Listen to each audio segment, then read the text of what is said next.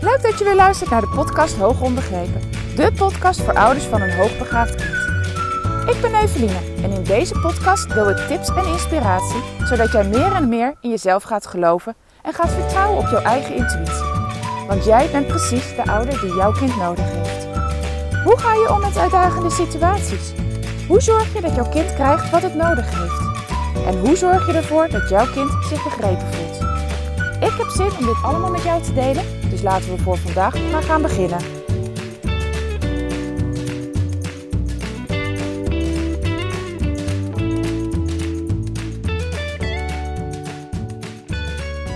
Ha, lieve luisteraars, leuk dat je weer luistert naar een nieuwe aflevering van deze podcast. Ik ben weer uh, aan de wandel. Ik zit inmiddels weer op het uh, bekende podcastbankje. Het is vandaag koud. Echt, ik ben dik ingepakt. Het is koud, maar het is droog. Er staat geen wind en dus heerlijk wandelweer om en te wandelen. En ook ideaal om gewoon, ook al is het in de kou, een podcast op te nemen. En ik vind dit echt heerlijk weer. Ik hou meer van de warmte, de zon. Maar um, als we dan toch de winter hebben, dan vind ik dit echt het heerlijkste weer. En het doet me ook altijd denken aan de periode dat wij in Zweden woonden.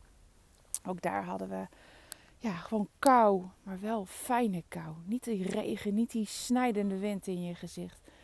Maar koud, maar lekker. Je kan er weer op kleden en lekker naar buiten gaan. Heerlijk. Maar goed, ik zit hier dus met rijden. Ik wil weer een nieuwe podcast opnemen. Dat wil ik eigenlijk al de hele week. Maar al de hele week heb ik zo ontzettend veel te doen. Ik uh, schreef gisteren ook al op Instagram van... Uh, ik heb vandaag zo'n dag dat mijn to-do-list zo lang is... dat ik niet weet waar ik moet beginnen en ik doe maar niks. Nou ja, dat was niet alleen gisteren zo. Dat is eigenlijk al een beetje de hele week zo. Gelukkig heb ik gisteren even echt doorgepakt en ook kunnen pakken. En uh, inmiddels uh, is het geslonken en heb ik voor mezelf gewoon weer de rust gevonden om ook deze podcast op te nemen. Want eigenlijk wil ik hem al een hele week opnemen. Want afgelopen weekend zijn mijn man Martin en ik naar uh, Mel en de Vintage Future geweest. En nou, ik wil het niet over Mel hebben, maar zij is wel de inleiding totdat ik bij het daadwerkelijke onderwerp kom. Dus voor het geval je denkt, ja, wat moet met mij boeien dat jij daar bij Mel bent geweest. Nou, ik ga je even meenemen in het verhaal, even inleiden. En dan kom ik uiteindelijk tot de kern. Boeit het je niet? Spoel vooral rustig door. Uh, alles is prima. Uh, maar ik zou het zonde vinden als je hierop denkt van ik haak af en ik zet hem uit. Want ik denk dat er echt een hele waardevolle ja, informatie jouw kant op komt. Waar je echt als ouder van een hoogbegaafd of een vermoedelijk hoogbegaafd kind iets aan hebt. Nou, een aantal maanden geleden scrollde ik eens even door mijn social media en kwam ik een uh, kort filmpje tegen van Mel. Mel is een zangeres. Uh, misschien ken je haar ook wel vanuit de beste zangers, maar ik uh, kende haar in ieder geval nog niet. Um, ik scrollde dus door social media en ik kwam dus het filmpje van haar tegen dat zij uh, een liedje zong in de beste zangers en daar hadden ze een stukje uitgehaald. En vanaf het allereerste moment dat ik haar hoorde, was ik direct verkocht. Ik vond haar zo'n mooie stem hebben. Ik vond haar, ja, het deed gewoon iets met me. Ze raakte me op een bepaalde manier wat ik niet vaak heb met muziek. Ik hou echt wel van muziek luisteren. En er staat bij ons ook altijd uh, best wel vaak muziek op. Vooral omdat mijn man heel erg gek is van muziek. En eigenlijk de kinderen ook. Ik doe dat eigenlijk bijna nooit. Uh, luister ook niet heel gericht uh, bepaalde artiesten. Behalve als ik een keer alleen ben. Dan wil ik nog wel eens een cd uit de kast halen en opzetten. Maar dat komt maar weinig voor. Omdat wij natuurlijk vanuit, van, ja, vanwege het feit dat wij kinderen thuisonderwijs geven, weinig alleen zijn. Maar zij raakte me direct. En in tegenstelling tot andere momenten waarop ik wel eens iets beluister en denk van nou dat is best, hè, dat klinkt fijn. Ja, deed, wat ik nu deed is dat ik haar gelijk op ging zoeken op Spotify. Dat doe ik bij de anderen nooit. En op, ik zat die middag op de praktijk. Ik was aan het werk. Ik was verslagen aan het uitschrijven. En ik uh, zocht haar op en ik heb haar de hele middag beluisterd via Spotify. En ook alle muziek die ik van haar hoorde, ja, dat kwam direct binnen. Ik vond het prachtig. En dat maakte ook dat ik tegen mijn man zei van... joh, ik heb dit beluisterd. Nou, hij had zoiets van, wow, oké, als jij zo gelijk aangaat op iemand... dan moet het wel uh, hè, bijzonder zijn. Uh, nou ja, laten we dan ook die beste zangers maar eens gaan kijken. Want ik was eigenlijk ook wel benieuwd, wie is zij nu eigenlijk? Wie uh, is zij als mens? Niet alleen haar muziek, maar ik wil dan ook meer weten over degene die daarachter zit. Dus wij gingen de beste zangers luisteren en we hadden, uh, tenminste kijken. En we hadden natuurlijk gewoon gelijk geluk, want zij zat in die eerste aflevering. Um, Nee, nee, zij was niet in de eerste aflevering. Maar zij was in ieder geval redelijk aan het begin. Zij was redelijk snel aan de beurt. En in die aflevering vertelde zij ook hoe zij tot ja, de keuze was gekomen om deze muziek te maken. En um, voor degenen die Mel niet kennen, zij is net pas 30 geworden.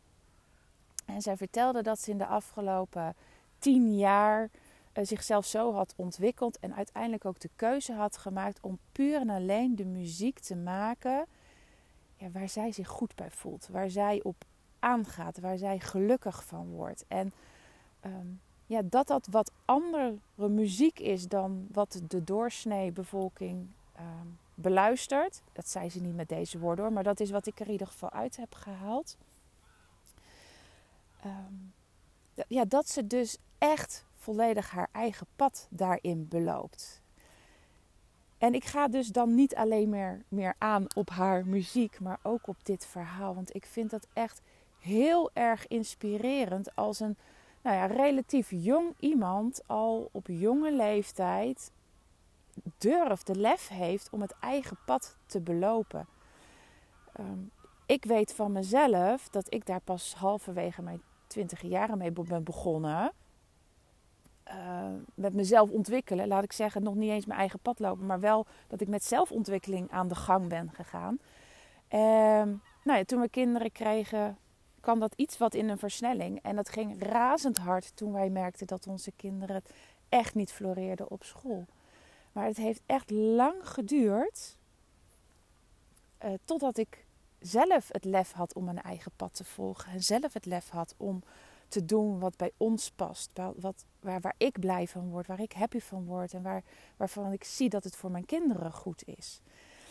Um, dus ik vind het heel inspirerend als um, iemand niet al op latere leeftijd, want ik zie dat toch een beetje op latere leeftijd.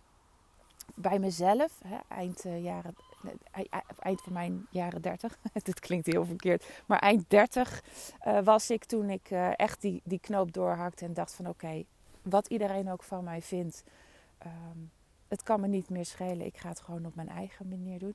Dat iemand het al ja, veel jonger uh, oppakt. Ik vind dat echt heel mooi om, uh, om te horen en te merken. Um, en, en waar ik, wat voor mij in ieder geval ook altijd de drijfveer is geweest om uh, uiteindelijk wel voor mijn eigen pad te gaan, is natuurlijk niet alleen maar mijn eigen geluk of de wens dat onze kinderen lekker in hun vel zouden zitten. Tuurlijk, dat is ook een reden geweest. Maar een van de grootste drijfveren is geweest dat ik mijn kinderen door voorbeeldgedrag wilde laten zien hoe je je eigen keuzes maakt en hoe je dicht bij jezelf kan blijven. En dat je je niet uh, moet laten leiden door de mening van anderen. Dat je je niet moet, continu moet aanpassen op wat anderen van je willen of anderen van je verlangen.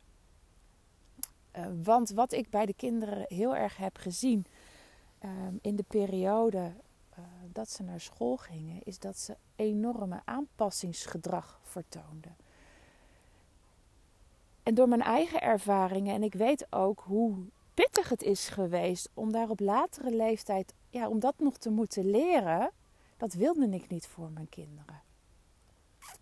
Um, en ik hoop heel erg, um, door alle stappen die we nemen en door ja, voor te leven hoe wij het doen, dat onze kinderen uh, compleet zichzelf al hebben ontdekt en weten wie ze zijn. En ook die mening, de mening van anderen naast zich neer kunnen leggen. En compleet hun eigen pad willen en durven te lopen.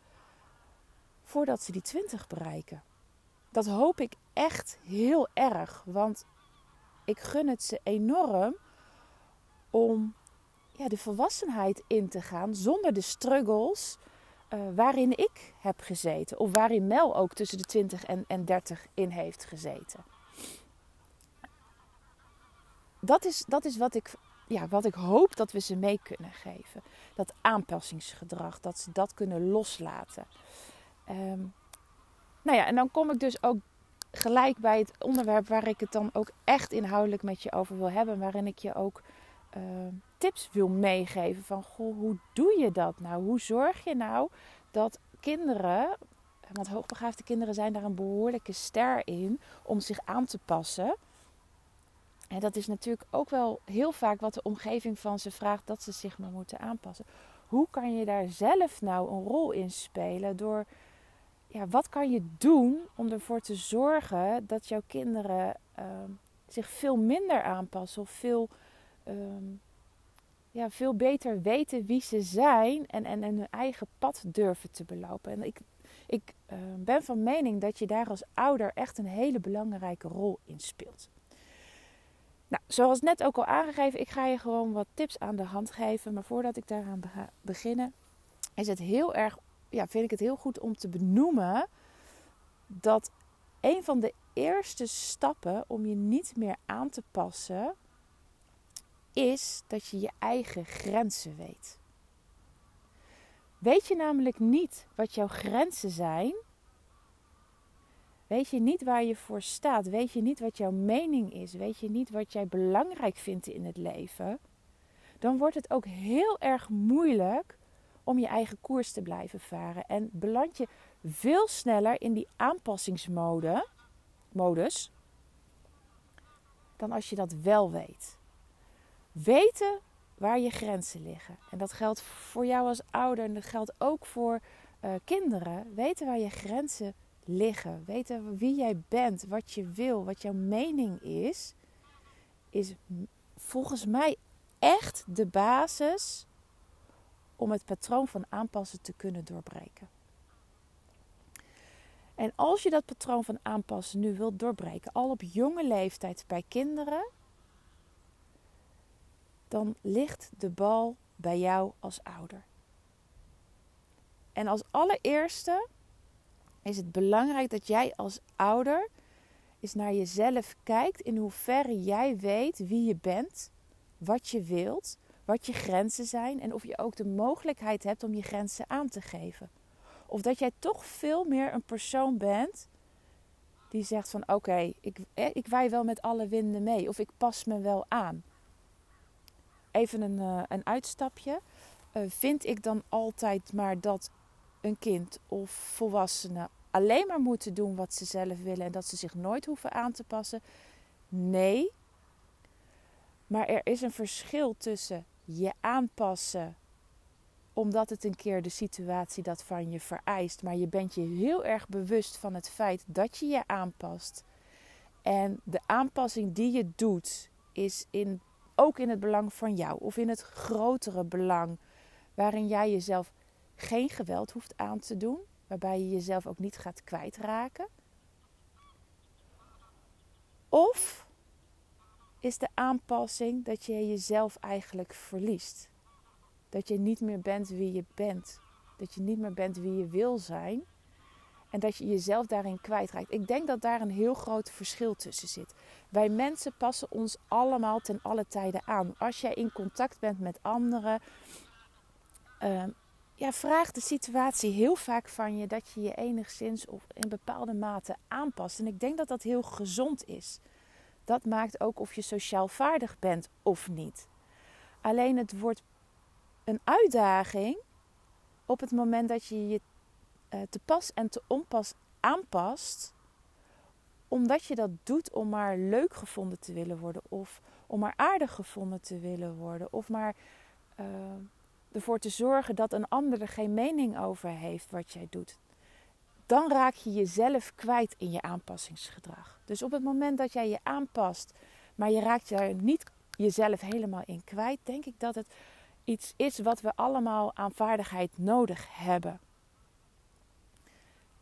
Maar het kwijtraken van jezelf, als je je aanpast en het langdurig aanpassen, ja, dat is kwalijk.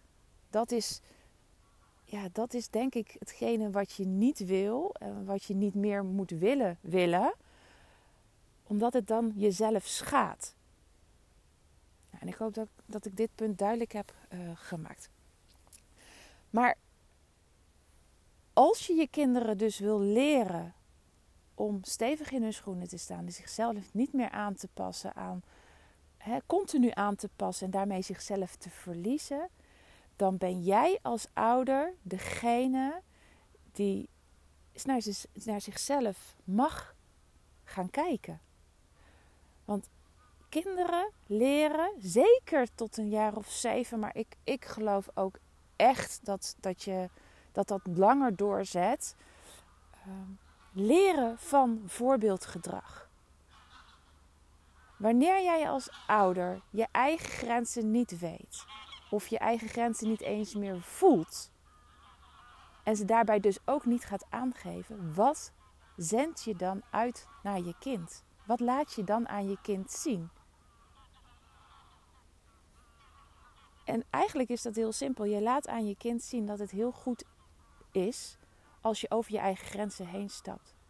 Je laat heel erg duidelijk aan je kind zien dat je je continu moet aanpassen. En kinderen nemen dat van jou over. Dus een hele belangrijke stap in het doorbreken van aanpassingsgedrag bij, bij hoogbegaafde kinderen is zelf ander gedrag gaan laten zien. En dat kan je alleen maar door jouw eigen aanpassingsgedrag te gaan doorbreken. En ik hoop met deze podcast eraan bij te dragen, mocht je hier nog niet je bewust van zijn, dat je bewust wordt, of in ieder geval jezelf gaat afvragen: ben ik iemand die zich continu aanpast? Ben ik iemand die steeds maar bezig is met het willen voldoen aan de wens van anderen? En dat dan het kwartje valt: oké, maar dit is dus ook wat ik voorleef aan mijn kinderen. Dit is wat zij dus letterlijk van mij zien en overnemen. En een heel belangrijk punt dus is: van ga het zelf proberen om te draaien. Ga dat proces in. En dat is niet van vandaag op morgen doorlopen. Weet je, jezelf veranderen, dat kost tijd. Maar als je nu besluit om het anders te gaan doen, om je vanaf nu niet meer aan te passen en heel erg te gaan doorvoelen van waar jouw grenzen liggen. En ook gaat leren om die aan te geven. En dat jij ook ja, je van bewust gaat raken dat het niet nodig is. En dat jij het recht hebt om je eigen grenzen aan te gaan geven. Dan is dat echt heel erg krachtig richting jouw kind. Maar dat is een proces. En als je daar nu mee begint, dan sta jij volgend jaar niet meer op hetzelfde punt als waar je nu bent. Dat kan niet. Als je verandering in gang gaat zetten, ben jij volgend jaar op een ander punt. En misschien nog niet waar je wil zijn, maar je laat mij ook aan je kind zien: oké, als ik iets wil, dan ga ik ervoor en ik ga stappen zetten. En elke stap die jij zet gaat leiden tot verandering.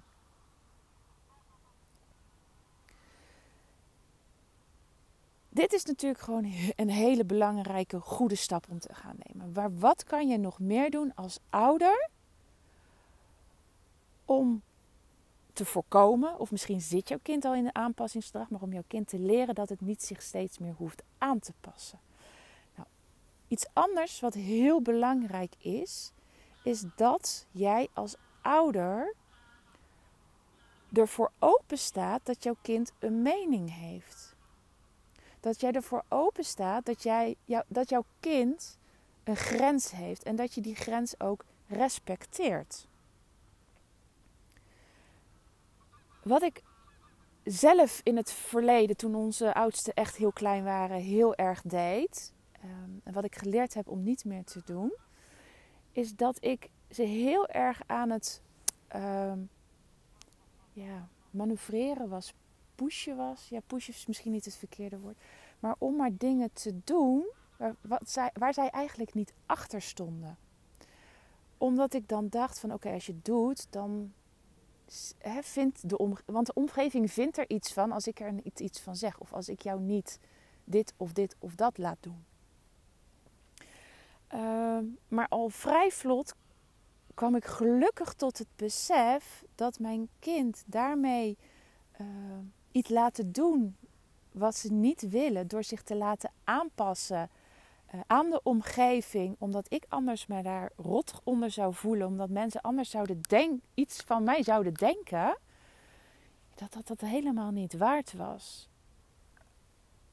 Uh, dat bijvoorbeeld, een voorbeeld daarvan was al dat uh, vroeger had je bij de Albert Heijn nog een slager die dan ook echt de worst voor je sneed en dan konden de kinderen een plakje worst krijgen. Ehm, en in het begin zei ik, net zoals ieder ander, hè, zoals ik ook vanuit mijn opvoeding heb meegekregen, van uh, joh, zeg dankjewel, want je hebt iets gekregen. En op een gegeven moment dacht ik, ja, maar weet je, ik moet ze elke keer aansporen. Ik wil dat helemaal niet. Blijkbaar zijn ze nog niet zo ver, ze vinden het niet belangrijk, ze willen het niet. Ik ga het goede voorbeeld geven, maar ik ga ze niet meer pushen om iets te doen waar ze op dat moment niet aan toe zijn, of niet willen, of eng vinden, of spannend vinden. Dus als zij dan een plakje worst krijgen van de slager, dan zei ik: Dankjewel voor het plakje worst, of dankjewel. En dan liepen we weg. En op die manier heb ik ze geleerd: Oké, het is eigenlijk heel netjes om dankjewel te zeggen. En nu doen ze dat. Als ik nu van andere ouders terugkrijg krijg van: Oké, jouw kind is een van de weinige kinderen die. Hallo, uh, fijn dat ik hier uh, ben en ik kom met die en die spelen. Of dankjewel dat ik hier mocht zijn. Of dankjewel voor het eten. Of dankjewel voor het logeren. Ja, dan denk ik, oké, mijn doel is bereikt. En wel op een andere manier dan ik zelf uh, gewend was. Hè? Zoals ik in mijn, mijn, eigen opvoeding mij geleerd is. een ander voorbeeld is dat ik de kinderen nooit op een verjaardag, als wij binnenkwamen, handen heb laten schudden.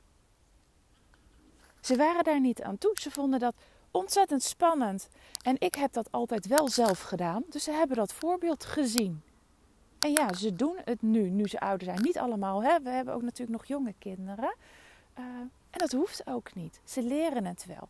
En het mooie ervan is, omdat ik het zelf wel elke keer heb gedaan, maar ze dus niet over hun grenzen heb laten gaan, is dat ik daar nu ook met ze over kan hebben zonder dat daar weerstand over is. Ik leg nu de oudere kinderen uit van joh, als je naar een verjaardag gaat, is het wel uh, aardig als je e-, in ieder geval degene die jarig is even een hand geeft of een box geeft of een high five geeft. Of in ieder geval zegt gefeliciteerd met je verjaardag.